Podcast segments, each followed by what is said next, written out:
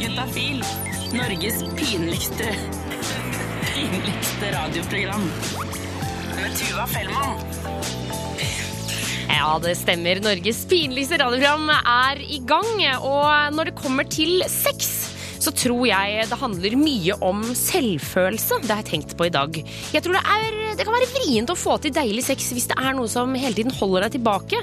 F.eks. For eksempel hvis ikke du har ordentlig lyst, men da mener jeg at du ikke burde gjøre det. Da burde du på en måte varme opp mer, eller, eller drite i å gjøre akkurat det den dagen, eller med den personen, alt ettersom. Men det kan også være enkle ting som gjør at man eksempel at man blir redd for at noe skal gå skeis. At du blir redd for at du skal drite deg ut. At hun eller han du er sammen med skal synes at du skal gjøre noe, at du gjør noe rart eller at du gjør noe teit. Og jeg skal være ærlig, det er jo masse ting å bekymre seg for. Det, det kan jeg si meg helt enig i. Eh, Men nå har jeg jobba i Juntafil i ganske mange år. Og er det én ting jeg har lært, så er det at hver eneste dag så er det mange mennesker som bommer på en eller annen måte i senga. Kanskje de tryner idet de skal bytte stilling. Kanskje det kommer en liten prompelyd, eller kanskje de kommer før de har fått av seg bokseren. Eller kanskje det ender opp med å bli så mye kål at det ender opp i en eller annen pinlig stillhet. Det skjer. Det skjer med alle, og det skjer hele tiden. Så hvis du er en av de som stresser med dette, og som gjør at du på en måte holder litt tilbake, så syns jeg at du skal prøve å legge det til side. Fordi det var en fyr som sa til meg at hvis du er i en situasjon hvor du vet at du har lyst, og den personen du er med, har lyst, og dere kjenner hverandres grenser, så sa han ja, vet du hva?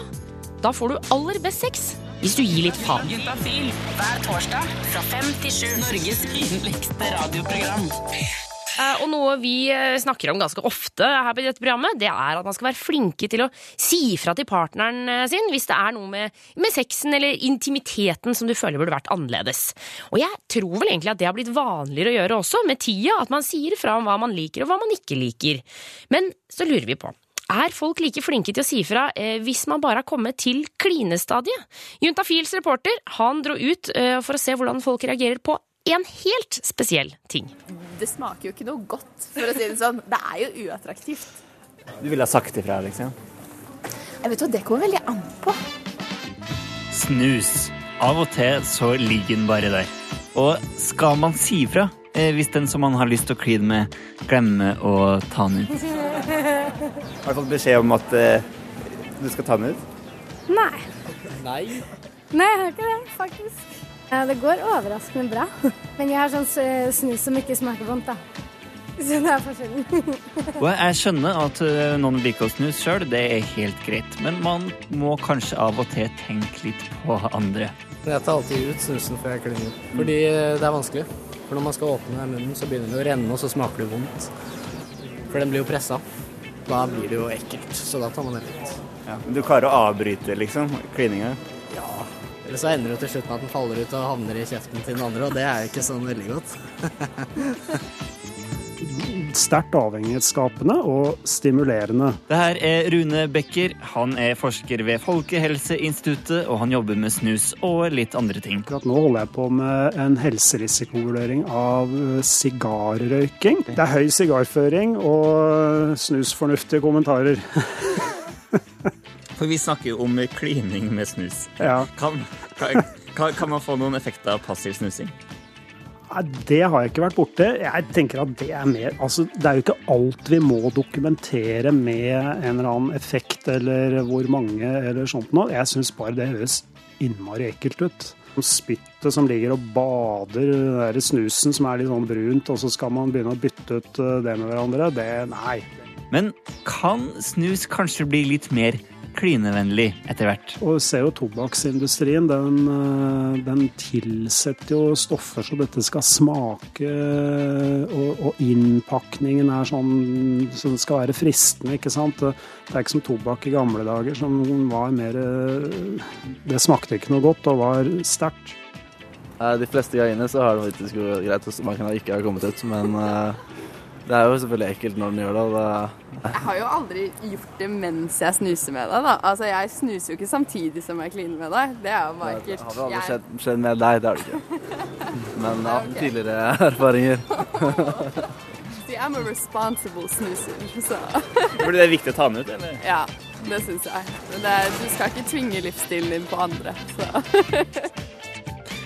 Ok, Så det kan være greit å ta ut snusen før man kliner, men Hva hvis man glemmer å ta ut snusen før oralsex? Det skal du få høre mer om etter The Weekend. Her får du The Hills. Juntafil. Med Tuva Fellmann. P3. Akkurat nå snakker om snus og alle ting. For selv om du kanskje syns det er deilig, så kan det være lurt å la være når du skal ha det litt ekstra romantisk. Så det var på en måte nesten hver gang jeg skulle kline med han, så hadde han i snus. Så det første jeg gjorde da, var å si for henne nå må du ta ut snusen. Det her orker jeg ikke. Det smaker vondt, det lukter vondt, og hele konseptet snus er bare ekkelt. Det her er Thea, og hun har en liten historie om hva man bør huske på før man skal ha sex. Men aller først, la oss høre fra vår forsker på Folkehelseinstituttet, Rune Becker, og hva han sier om snus og slimhinna. Snusen den inneholder jo mange stoffer, og dette kan virke lokalirriterende. Og jeg tror det blir en reaksjon fra slimhinnen som blir irritert, og som reagerer på en sånn måte at eh, dette skjer, da. Det som er litt spennende da, når vi først snakker om det med sånn eh, munnslimhinnen og sånn, og vi har en studie på gang nå hvor vi spør 18-åringer om eh, snusbruk, og de blir undersøkt når de er hos tannlegen, og så ser vi på hvor mye trekker tannkjøttet seg tilbake. Snus irriterer slimhinna, altså. Tilbake til Thea. Det var første gang jeg skulle få lov til å sove hos denne fyren. da. Var min første kjæreste, og mamma og pappa var ikke så glad at jeg sov hos han, for han bodde alene. Eh, så var det sånn vi skulle ha sånn romantisk kveld, og første gang jeg skulle sove der Jeg hadde jo tatt på meg litt fint undertøy, da, barbert leggene og alt som var, og var liksom kjempeklar og følte meg veldig fin. Hadde tatt på meg fine klær, hadde spist en god middag. Så hadde vi liksom planlagt at vi skulle ha en veldig romantisk kveld i senga òg, da. At det skulle være litt sånn spesielt. Sånn planlagt spesiell sex, liksom. Mm, veldig planlagt og snakka mye om det. Og at å, jeg gleder meg til å sove hos deg i kveld, og det her skal bli kjempebra. Og kom vel opp til senga og hadde egentlig ikke begynt å kline noe særlig på forhånd. Så la jeg meg i senga, og han kledde av meg, og det var kjemperomantisk. Og var oh, spennende. Eh, og så begynner han å slikke meg. Og så var det hm, dette var ganske deilig. Og så var det litt etter hvert så var det, det er noe som svir, noe helt sinnssykt. Hva er det som skjer her nå? Det svei jo på en måte hele nedentil, der hvor munnen hans hadde vært. Så over kjønnsleppene og overalt, litt inni vaginaen nå, svei det. Det føles litt som når du får salt eller såpe i et sår. Det her svir noe helt grusomt. Hva er det du driver med? Hva er det du har spist eller drukket eller et eller annet? Så ser jeg at det bare renner sånn brun snusstripe nedover tennene hans. Og det er sånn Å ja, du har snus, ja. Det svir. Og bare Oi, shit. Det la ikke jeg merke til. Jeg hadde helt glemt det. Den romantiske stemningen var ganske ødelagt. da. Det var en ganske sur meg som ikke fikk noe den kvelden. Så det var jo litt greit. Jeg dro hjem. Altså, da vet vi det, folkens. Eh, Hvis du skal gi oralsex, så pass på å ta ut snusen for Guds skyld. Eh, Sånn at det blir eh, akkurat sånn som du vil ha det. Reporter her var Remi Horgard. Eh, Og du hører på Juntafil. Akkurat nå så har vi fått besøk av Kristine fra Sex og Samfunn. Velkommen til Juntafil. Tusen takk, Tuva. Du jobber på Sex og Samfunn, som er en gratisklinikk i Oslo. Ja. Eh, og vi- hvis man vil, så er det også en chat der som går eh, mandag til torsdag. eh, Fem til åtte, er det ikke det? Det er det. Da kan man gå inn og stille spørsmål. Og så kan du sende SMS til 1987, kodeord juntafil, og da kommer de opp på våre dataskjermer. Og da tenkte jeg at du skulle få lov til å svare, Kristine. Ja, men så bra.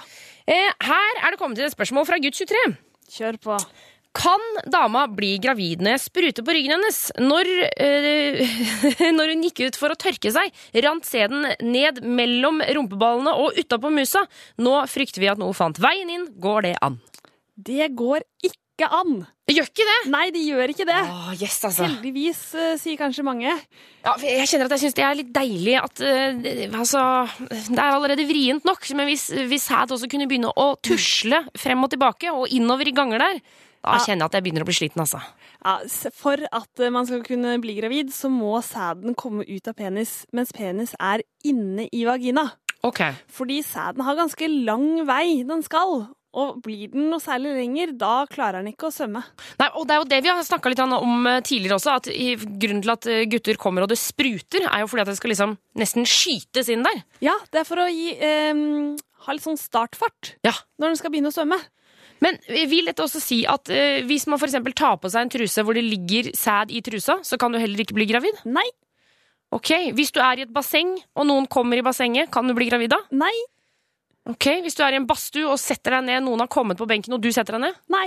Ok. Ikke engang hvis det var noen som hadde ehm, tatt sæd på en dildo, og så stakk du dildoen inn i skjeden. Da går det ikke da heller? Da går det ikke da heller. Nei, men jøsse navn. Den må liksom sprutes ut. Ok, Og man kan ikke ha skikkelig uflaks engang? Eh, Altså, man kan alt kan, eller jeg vet ikke. Det er veldig farlig å si at noe aldri kan skje, men det er nesten så jeg er fristet til å si det her. Ok. Ja. jeg skal ikke presse deg, men da skjønner vi hvor landet ligger. Ja. Vi har også fått inn en annen SMS her hvor det står Hei, jeg testa meg for klamydia forrige tirsdag. Hvis jeg ikke har hørt noe nå, er jeg frisk da? Hilsen jente23. Å, det er litt vanskelig for meg å svare på, for det kommer veldig an på hvor hun har testet seg, og rutinene for svar eh, der. Ja. Sånn som på klinikken vår, da, så har vi som rutine at hvis man ikke har hørt noe innen ti dager, så er prøven negativ. Ikke sant? Og for henne så er det da tirsdag, onsdag, torsdag ja, Det er ni, åtte, ja, ni dager, da. Ja, så hvis hun har gjort det på Sex og Samfunn i Oslo, så må hun vente én dag, og hvis hun ikke har hørt noe da, så er den negativ. Altså tenker jeg sånn, Hvor mye treigere kan man være, da? Nei, men så er det noen legekontor ringer jo med alle prøvesvar, og noen på en måte har andre tidsintervaller. Så hvis man er i tvil, ta kontakt med det stedet du, tok prøven. Ja, for det tenker jeg eh, Noen ganger når jeg lurer på liksom Jeg blir sånn her Å, herregud, jeg har ikke hørt noe. Hva skjer da? Hvordan går dette? Da kan man bare ringe. Du kan ringe. For det, for, altså, det er jo fullt lov, det. Ja, ja, ja. Ja, Det syns jeg var fint. Man maser liksom ikke Noen ganger så er jeg så redd på å mase på folk, jeg. Ja, nei, det trenger man ikke å være her, da. Det er mye bedre å få det avklart enn å gå og lure og lure og lure. Ikke sant? Det er ingen grunn for å gå og lure. Jente23, bare ta en telefon og spør. Kommer dere til å ringe meg uansett? Og når er det jeg får svar? Hvor lenge har jeg igjen å vente til jeg får vite om jeg har klamydia eller ikke? Ja. Og klapp på skulderen da, for at du går og sjekker deg for klamydia. Ja, veldig bra. Ja, nå, Vi gir deg en klem gjennom radioapparatet her, Jente23. Eh, 1987, kodeord juntafil. Hvis du der ute har et spørsmål, send inn nå! Hvor eh, jeg fortsatt har besøk av Kristine fra Sex og Samfunn, som svarer på spørsmål som tikker inn til 1987, kodeord juntafil. Og hvis ikke Altså, vi, vi svarer jo så, så på så mange vi klarer, Kristine. Ja, vi prøver å svare alle vi klarer. Eh, og hvis, eh, hvis man har lyst til å få raskere svar, hvis ikke du orker å vente til låta er ferdig, eksempel, så kan du stikke inn på sexogsamfunn.no. Der er det en chat hvor du får svar rimelig kjapt. Det er det. Eh, men her er det fått, kommet inn en, en Ok, nå må jeg konsentrere meg litt her. Jeg blir så, jeg blir så ivrig. Det har kommet inn en SMS hvor det står Er det problem å utsette mensen i flere måneder etter hverandre? Da regner jeg med at hun Eller det kan jo for så vidt være en gutt som har sendt inn dette også, men um, La oss ta høyde for at det er en jente, da. Bare så vi, da er vi den ut av veien, på en måte. Ja. Og så regner jeg med da at hun mener med p-piller. Ja. Ja. Eh, da er det ikke noe problem å utsette mensen i flere måneder etter hverandre. Ja, for da kan man, altså det man gjør da, det er at du tar p-piller, og så har man noe sånn enten sukkerpiller eller opphold eller noe sånt i en uke. Ja, det er, det er liksom den standardmåten å ta det på. Ja, og da tar du bare, du hopper over sukkerpillene, og du hopper over den tomme uka, Ja. og så bare gønner du på med p-piller. ja. Men- det, det er ikke farlig. Um, det verste som kan skje, er at man kan få det vi kaller en gjennombruddsblødning. Altså, altså at man begynner å blø lite grann, selv om man ikke da går på sukkerpilleuke eller har pillefri uke.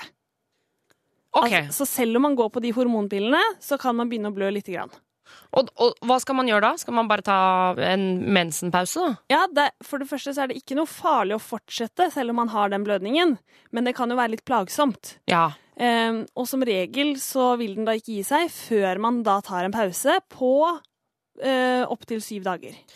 Ok, da, ok, men da skjønner jeg. Så hvis du får sånn gjennombruddsblødning, så ta en pause på syv dager hvis du har lyst til for å liksom få det ut. Ja, maks syv dager. Maks syv dager, ikke noe mer. Nei. eh, Og ikke noe mindre heller, for den saks skyld. Og så Ja, du kan, du kan ha mindre. Oh, ja. Mellom fire og sju, pleier jeg å si. Ok. Ja. Men jeg hører at du sier at det ikke er noe farlig. Men liksom én måned. Men hva med fire måneder? Tuva, du kan hoppe over mensen i fire år uten at det er farlig. Er det sant? Men fire år? Helt sant! Fader, jeg syns det er så fascinerende. Det er så fascinerende! Jeg er helt gal av å tenke på det. Men, men, eh, og veldig mange kan gå mange måneder uten å få den gjennombruddsblødningen. Noen kan bare utsette i noen uker, og så kommer den. Ikke sant. Så man må bare prøve seg litt fram. Vi har også fått en SMS fra en jente på 24 her hvor det står jeg går på p-piller og lurer på hva forskjellen er på vanlig mensen og etterligningen, altså denne p-pillemensen. Jeg får jo vondt og tegn på PMS. Ikke sant? Det er et veldig godt spørsmål. Um, og det letteste svaret er at når man går på p-piller, så får man ikke noe eggløsning fra eggstokkene. Ja, vi, Av og til så kaller vi det for matpakka. Nei, ja, det, det er det, Nei, er det er det som er inni livmoren. Det er inni livmoren. Ok, Ja. nå surrer jeg. For, forklar en gang til. Ja. inni livmoren, vanligvis så bygger det seg opp eh, med slimhinne, som er matpakka til egget. Ok. Og så slippes egget, og så blir det liksom fra evolusjonens side, så skal det jo bli befruktet underveis. Og så kommer det befruktede egget ned til matpakka, og der fester den seg og spiser av matpakka i ni måneder. Ja, nettopp. Når det egget ikke blir befruktet, så trenger den ikke noe mat. Og da støtes all den, den slimhinnen ut, og det er mensen. Og, og det er matpakka, på en måte? Det er matpakka pluss egget. Ikke sant? Det er vanlig mensen.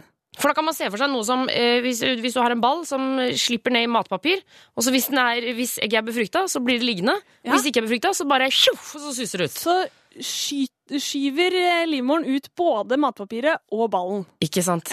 Men også, også det er vanlig mensen. Ja. Også eh, p-pillemensen. P-pillemensen, da blir det ikke frigjort noe egg.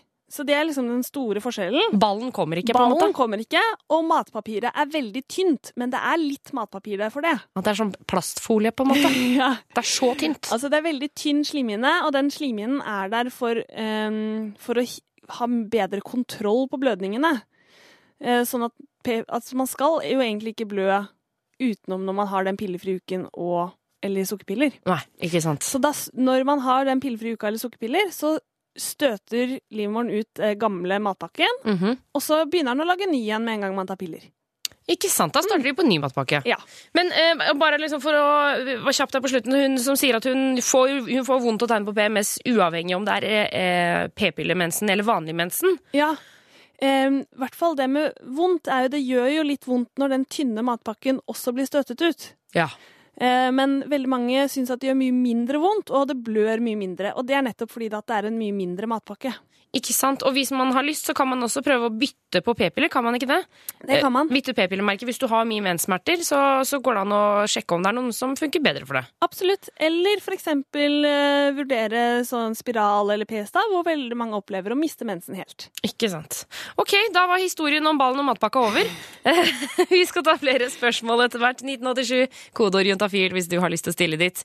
Yellow Wolf kommer her nå med Till It's Gone. Så har vi også Carl Lewis og Ari på vei med Telescope. Og du hører på Juntafil. Eh, Det er Kristine fra Sex og Samfunn. Du har hovedansvaret for svaringa her, eh, Kristine. Ja, det skal prøve å klare det. Ja, det er fordi du er lege og jeg ikke er det, da, på en måte. Men du er flink til å hjelpe til, da, Tuva. Ja, det er bra. Eh, Vi har fått en SMS her fra Jente20. Jeg har aldri kommet av en gutt før, men klarer det helt fint selv. Noen tips? Og er det rart å ta på seg selv mens man har sex? Og da vil jeg aller, bare, aller først bare si til Jente20 så utrolig fint at du sendte inn dette spørsmålet. Ja. Fordi dette vet jeg at det er mange som lurer på. Helt klart. Vi får jo inn masse spørsmål som lurer på dette her, Tuva. Ja, ja, ja altså, det å ikke få orgasme er Jeg føler at det er en ting som mange er opptatt av. Jeg vet ikke om man var så opptatt av det før, men nå er man i hvert fall himla opptatt av det. Og så er det også veldig mange gutter som er opptatt av at kjæresten eller den de har sex med, ikke får det. Ja. Altså at, på jenta. Men det er ikke rart å ta på seg selv når man har sex. For veldig mange er det en nødvendighet for å i det hele tatt få orgasme. Ja, fordi jeg tenker sånn når man eh, Altså, det, det er vanskelig for, for partneren din å vite akkurat hva du vil skal skje. Ja. Og en ting er å snakke om det på forhånd, og, og liksom sånne ting, men hvis du plutselig kjenner sånn Å, herregud, nå har jeg lyst til å ta på, bli tatt på her, og jeg kan gjøre det selv. Da må man jo bare gjøre det. Da er det helt lov å gjøre det. Ja, ja, ja, ja, ja. Tommel opp. Det er ikke rart i det hele tatt, syns jeg. Nei, og veldig mange gutter syns at det er kjempesexy. Uten tvil. Mm. Eh, Jeg hadde besøk av en fyr som sa at det diggeste han visste, det var når eh, jenta hadde så mye selvtillit at hun kunne stå foran han og ta på seg selv. Mm. Som sa sånn Det er det beste jeg vet om.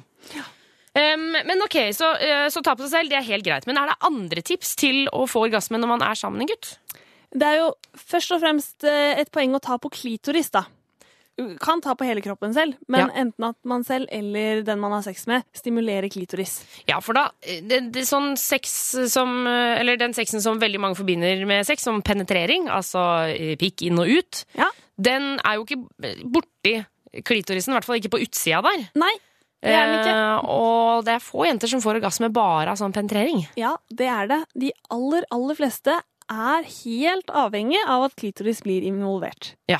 Og det er helt riktig som du sier, sånn sex som man ser på film, enten det er vanlig film eller pornofilm, det gir sjeldent orgasme for den vanlige kvinnen i gata. Ikke sant? For det er det. Det er på både film og pornofilm. Da, altså, det ser jo så fabelaktig ut. Det gjør det. Men så er det ingen som har det sånn. Og da kan man eh, bruke fingre, man kan bruke munn, man kan bruke leketøy som vibrerer og ikke vibrerer, og alle mulige former. Ja. Eh, mens klitoris må være med i spillet her. Det er som på en måte som å se på det som et vors. Altså, vorset kan være helt fint, men du, hvis du liksom eh, mangler den personen du er forelska i, så blir liksom ikke vorset like kult før den personen kommer inn. Nei. Da må, må ha med den. Han, må, han eller hun må være med. Eh, ok, så eh, stimulerer klitoris. Men jeg tenker på sånn, er det noen stillinger der som kan funke bra til det? Em, ja, det, det er jo først og fremst de stillingene som åpner opp for at klitoris kan bli stimulert. Altså at det rett og slett er fysisk plass. Ja, For misjonær, der ligger jo alt. Det er jo bare et smørbrød som ligger og gnukker inntil hverandre. Ja, men da er det noen som opplever da også at klitoris blir stimulert av bevegelsen. Ja, du, det har jeg også hørt når folk, eh, hvis jenta sitter oppå og rir. Ja. Hvis hun da lener seg fremover og liksom gnikke i bekkenet litt, at det også kan funke som stimulering av klitoris. Ja, ikke sant? Hvis det blir litt sånn eh, bekken mot bekken. Bekken mot bekken! Ja. Der sitter den, vet du!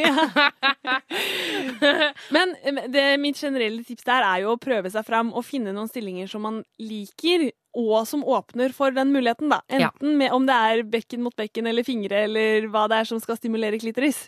Ikke sant? Og så tenker jeg, jente 20, du eh, er jo eh, altså, Jeg vet ikke om man skal si heldig, men du er jo en som klarer å få orgasme alene. Ja, det er jo step én. Ja, for det er det jo mange som ikke får til. Det er helt sant. Så jeg tenker, du har faktisk muligheten til å si til denne fyren Vet du hva, jeg får orgasme på den og den måten. Mm. Skal, jeg, liksom, har du, skal jeg forklare deg hvordan jeg gjør det?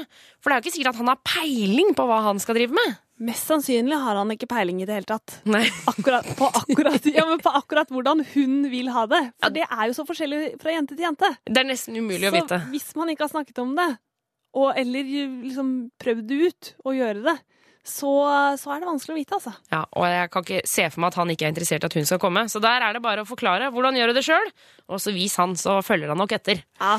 Eh, 1987, kodeord P3 hvis du har noen Unnskyld, ikke P3, kodeord juntafil. Eh, det er dit spørsmålene om sex, kropp og følelser skal. 1987, kodeord juntafil. Vi skal ta flere spørsmål litt seinere i sendinga. Nå vil jeg at du skal lukke øynene og se for deg et festivalområde eh, hvor jeg tasser rundt med en liten opptaker, treffer på en jente, stopper henne og spør hvem var den første du lå med? Bestekompisen til lillesøstera. Bestekompisen til lillesøstera? Nei, fortell! Ok, ta dette fra starten av. Hva skjedde? Hva skjedde? Nei, vi holdt jo på, da. Det Var en småkjærester. Hun visste ikke om det. Men eh, Nei, det var, ikke særlig. Var det bra? Ja, helt OK. Uh, nei, det var hjem til meg. Uh, Søstera var hjemme. Men hun, vi hadde låst døra, hun tok dørhåndtaket og skjønte hvor fort hva som skjedde. Det ble fliring. Det ble flere av sida, egentlig. Men, men og selve sexen, da? Hvordan var den? Helt OK, det var første gangen. det var ikke noe stjerneskudd og regnbue, for å si det sånn. Nei, jeg var jo fornøyd med å bli ferdig med det. Det ble bedre etter hvert. Trøstende til alle de der ute da, som har dårlig sex nå. Det blir bedre. Jeg lover det blir bedre. Med Tuva Fellmann. Og nå tenkte jeg at vi skulle komme litt inn i julestemninga. Eh, For det er jo ikke desember ennå, men det nærmer seg. Og det som skjer 1. desember, er at da begynner julekalenderne. Jeg har sett at folk bruker enormt med penger og tid på disse julekalenderne, og det syns jeg er eh, Det er er jo det er ikke noe som er hyggeligere enn å ha en julekalender. Og eh, kanskje særlig de julekalenderne du får av kjæresten din. Men der har vi Juntafil. Vi har lyst på en aldri så lita vri. Vi har lyst på en em, slags kose-sexkalender. Eh, fordi, tenk se for deg nå at du har eh, 24 konvolutter eh, hengt opp på en snor, og i hver konvolutt der er det et lite gavekort. Der er det en liten sånn hyggelig gesture som du da gir til kjæresten din. Jeg syns jo dette er den helt perfekte julekalenderen. Det, altså, det høres jo helt gull ut. Eh, men det som er problemet med å lage sånne kreative julekalendere, det er at liksom på nummer åtte så bare OK, men nå har jeg ikke flere forslag. Nå veit jeg ikke hva mer jeg skal gjøre. Så jeg tenkte, kan ikke du og jeg lage en julekalender sammen? Hvis du sender en SMS til 1987, kodeord juntafil, og skriver et forslag på hva det kan være på den ene lappen, så setter vi de sammen til en rekke på 24 ting som du kan bare skrible ned på kort, smekke inn i små konvolutter eller dandere de på en eller annen kreativ måte, og så har du en helt fabelaktig julekalender til kjæresten din, eller til den du holder på med. Så jeg foreslår det, altså. Jeg kan godt uh, starte med en ting. Jeg syns at uh, nummer én skal være fotmassasje. For det kan jo på en måte eh, bare være deilig. Og så kan det også være litt sånn kinky. Så det syns jeg er en sånn, jeg synes det er en fin greie å starte med. Send inn ditt forslag, så til sammen så lager vi altså da 24 små tjenester som til sammen blir en julekalender. 1987, kodeord juntafil. Juntafil med Tuva Fellmann. Hvor vi holder på å lage en julekalender. For du vet, sånne hyggelige julekalender man kan lage med eh, små på en måte tjenester. Hvor man ja, Vi skal få litt julestemning her. Eh, små tjenester eh, som man kan gi til f.eks. kjæresten eller det man holder på med. Og jeg har spurt om forslag til hva det skal stå på disse kortene. Da trenger vi da 24 forslag. 24 små hyggelige tjenester. Um, og send det gjerne inn til 1987 kodeord juntafil. Vi har fått inn en del forslag. Vi er ikke helt oppe i 24 ennå, men vi mangler et par stykker. Vi har annet fått inn at det burde være et kort som står 'kilt på hele kroppen'. Det er jo veldig hyggelig. Og så har vi hodebunnsmassasje. Og så har det kommet inn forslag at vi skal ha sex i bilen. Selvfølgelig ikke i fart, da. Eh, og så er det lage romantisk middag. Håndmassasje har kommet inn. Du får bestemme frisyren nedentil. Har også kommet inn. Send inn ditt forslag i 1987, kodeord juntafil. Så lager vi altså en julekalender sammen eh, som jeg skal oppsummere på slutten av sendinga, så at du da kan eh, bare notere ned, og så bare fyller du inn på noen små kort, og da bing, bada bong, så har du julekalenderen klar til kjæresten din. Jeg syns jo det er ganske fint, altså. Juntafils julekalender. Straks skal vi svare på flere spørsmål om sex, kropp og følelser, men først her er Adele. Ah, hvor vi fortsatt har fått Eller vi har fått Kristine inn i studio igjen fra Sex og Samfunn. Ja. Ja, ja Du hadde i hvert fall ikke noe følelse for Adele her! Nei, jeg er klar for å svare på spørsmål, jeg. Ja, det tror jeg på. Eh, 1987 kodeord juntafil hvis du har et spørsmål. Vi har fått inn et her hvor det står eh, Kan man få kreft av oralsex? Å, det er, det er et bra spørsmål. Det er veldig aktuelt. Ja.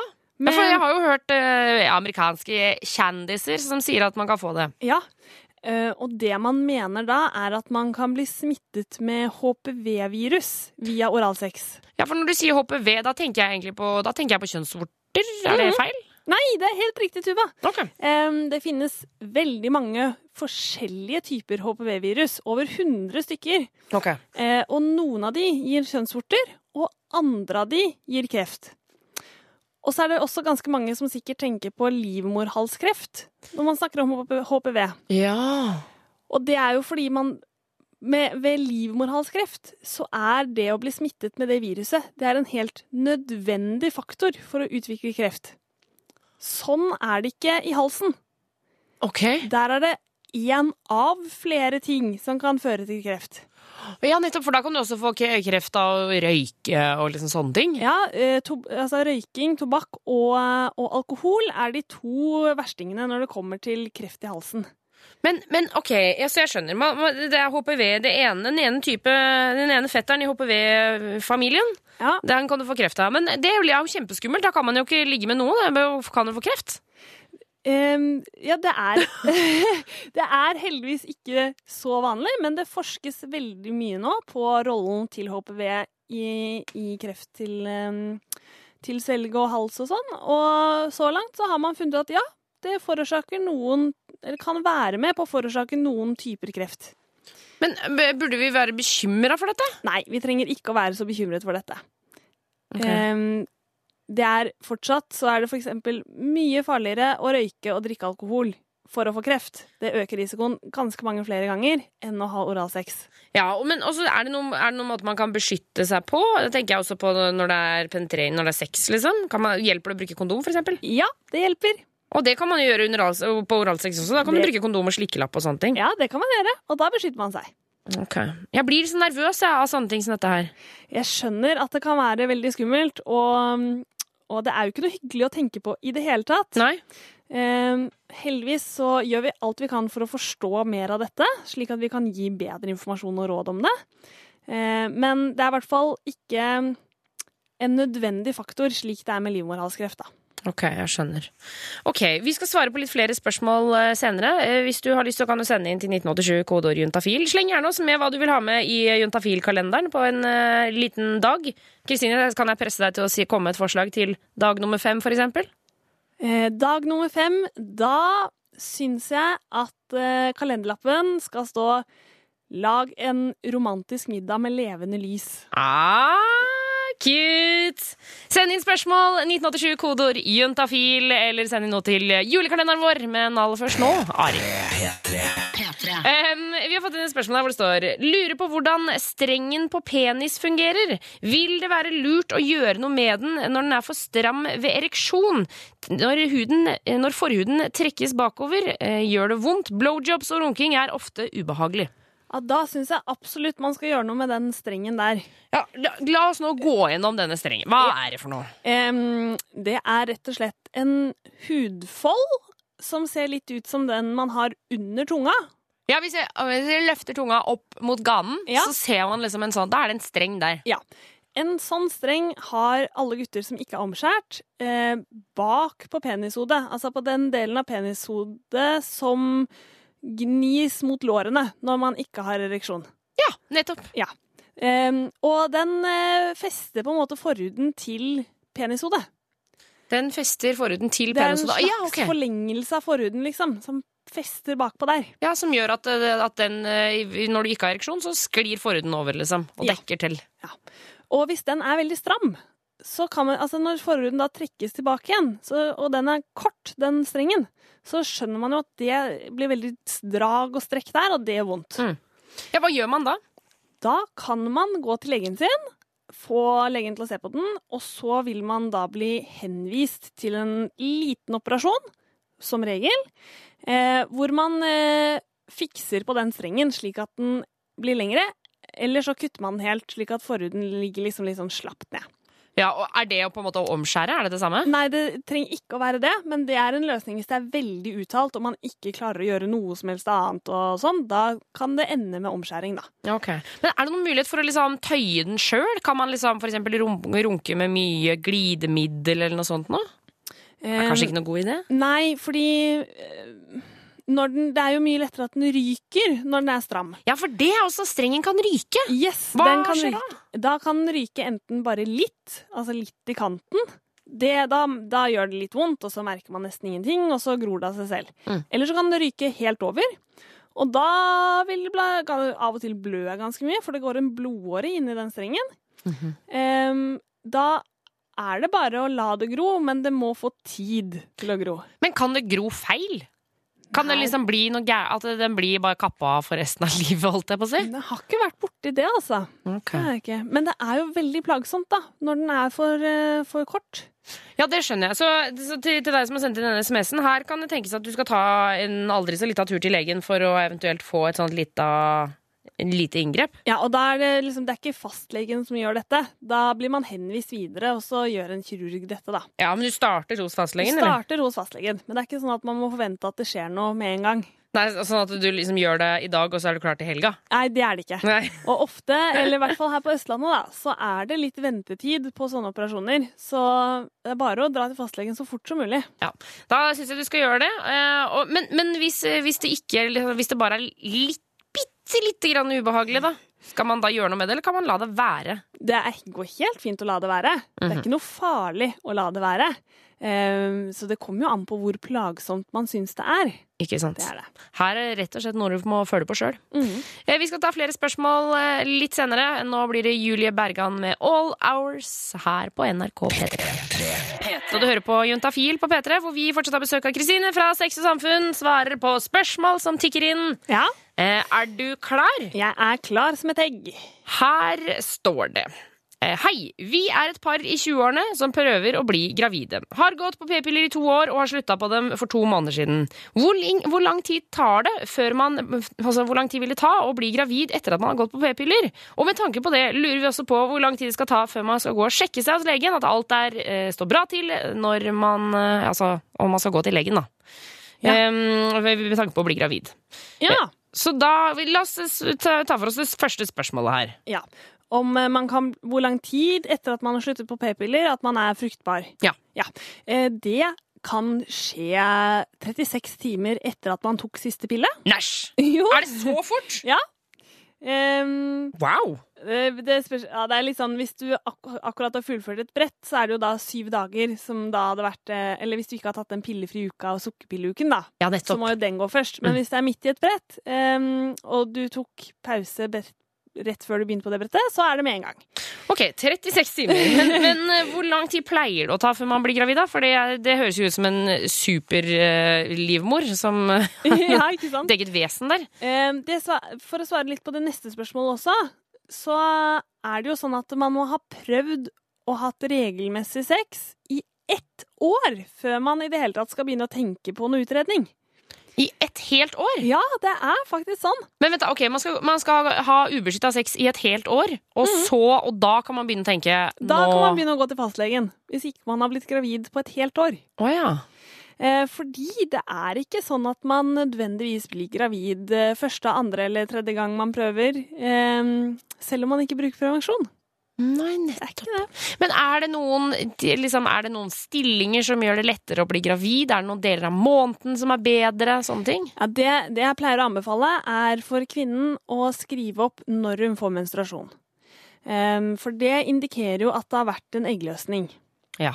Og hvis den viser seg å være regelmessig, noe den ofte blir Det kan ta litt grann tid etter man har sluttet på prevensjon, før den blir regelmessig, men den blir regelmessig etter hvert.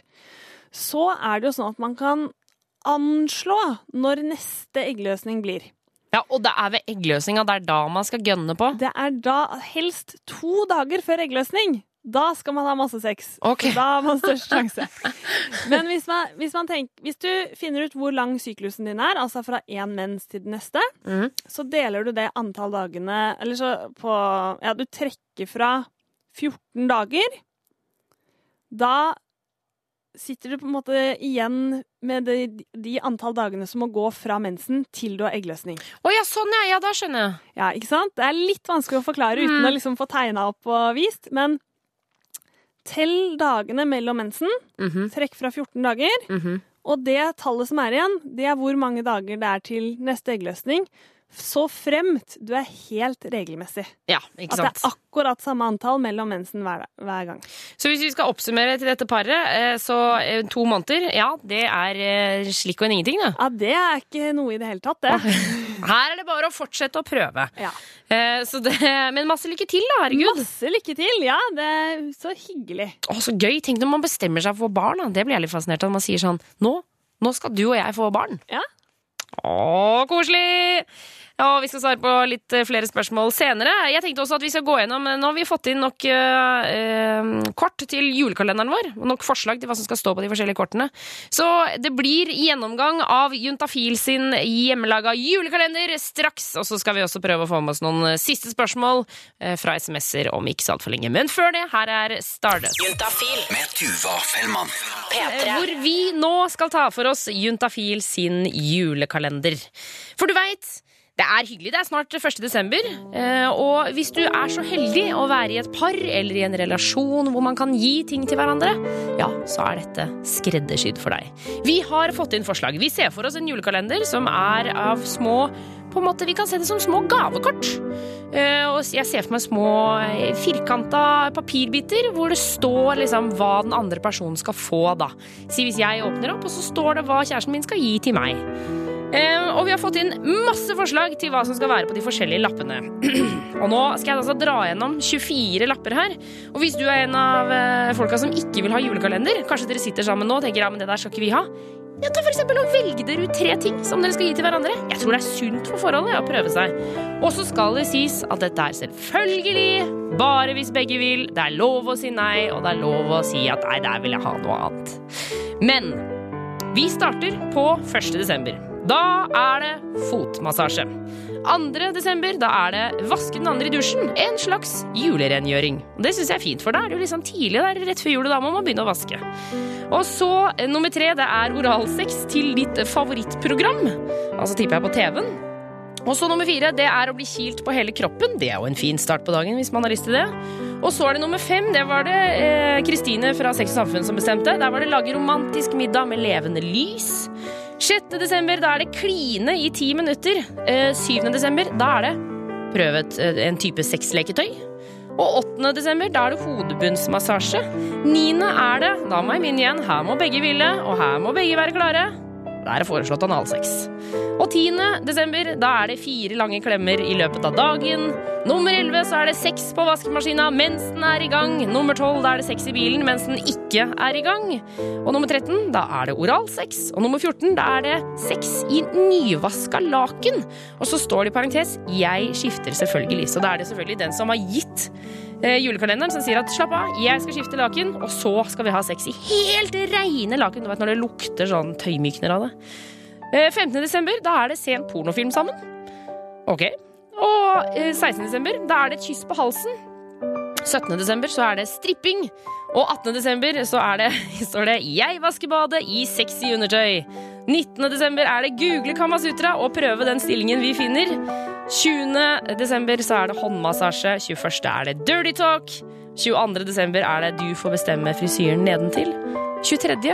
er det massasje på hele kroppen. Litt avslapning etter all julegavehandlinga. Og 24. desember, da står det Desember skal være en frekk nissedrakt til madammen og en nisselue til meg. Da skal julekalenderen toppes med full pakke for nissemor og nissefar. Så det der syns jeg hørtes helt strålende ut. jeg. Det er bare å sette i gang og lage julekalendere, folkens. Men Kristine fra Sex og Samfunn, jeg tenkte vi skulle ta med oss et aldri så lite spørsmål til før vi gir oss. Ja, så bra. Ja, Her står det Bør man bruke kondom til analsex? Hilsen gutt 23.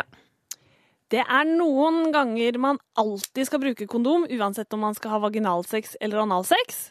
Og det er hvis man har sex med en ny person. Nettopp! Eller hvis man har sex med en person som har sex med veldig mange andre også. Ja.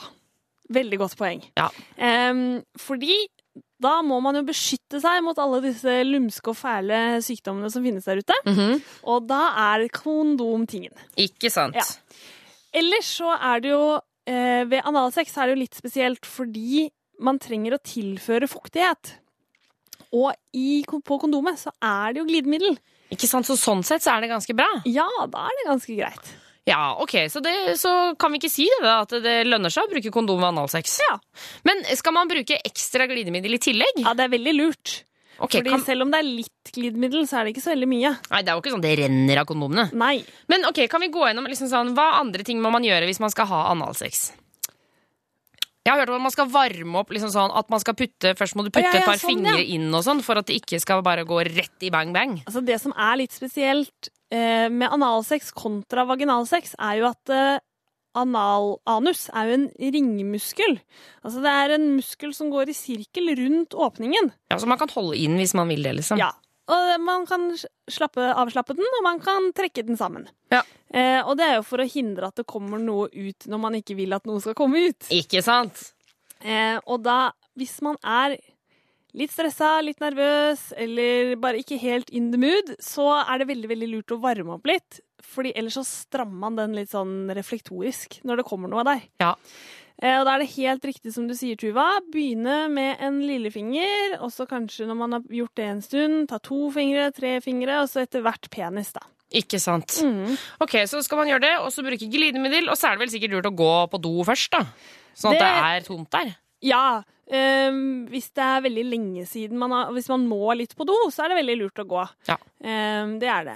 Men det, man må ikke drive med sånn skylling og vasking. Eh, selv om noen foretrekker det, så er ikke det nødvendig for å gjennomføre analsex. Ikke sant. Og så kan vi jo, vi sier jo ofte om analsex at det er på en måte litt sånn Det er litt eh, 602, på en måte. Det er liksom for litt for viderekommende. Det er ikke sånn at eh, alle driver med det hver eneste dag. Nei, det er ikke vanlig i det hele tatt. Det er det ikke. Nettopp. Um, så da veit vi det. Gutt 23. Uh, bruk gjerne kondom, bruk glidemiddel, varm opp. Uh, gå på do først, og gjør det bare hvis du har lyst sjøl, og hvis partneren din har lyst. Kristine fra Sex og Samfunn, takk for at du kom innom Juntafil i dag. Jo, tusen takk for at jeg fikk komme. Og hvis du der ute ikke har fått svar på ditt spørsmål, og så skjønner jeg at du veldig gjerne vil ha det, da syns jeg du skal stikke inn på sexogsamfunn.no, uh, og der er det en chat som er åpen en time til, så da får du svar på spørsmålet ditt der. Eh, Jeg heter Tuva Fellmann og er tilbake neste torsdag med Juntafil mellom fem og syv. Enn så lenge så kan du sjekke oss ut på podkast eller på MP3 på mandager eh, fra syv til ni. All right! Ha en fin dag videre! Hør flere podkaster på nrk.no podkast. P3.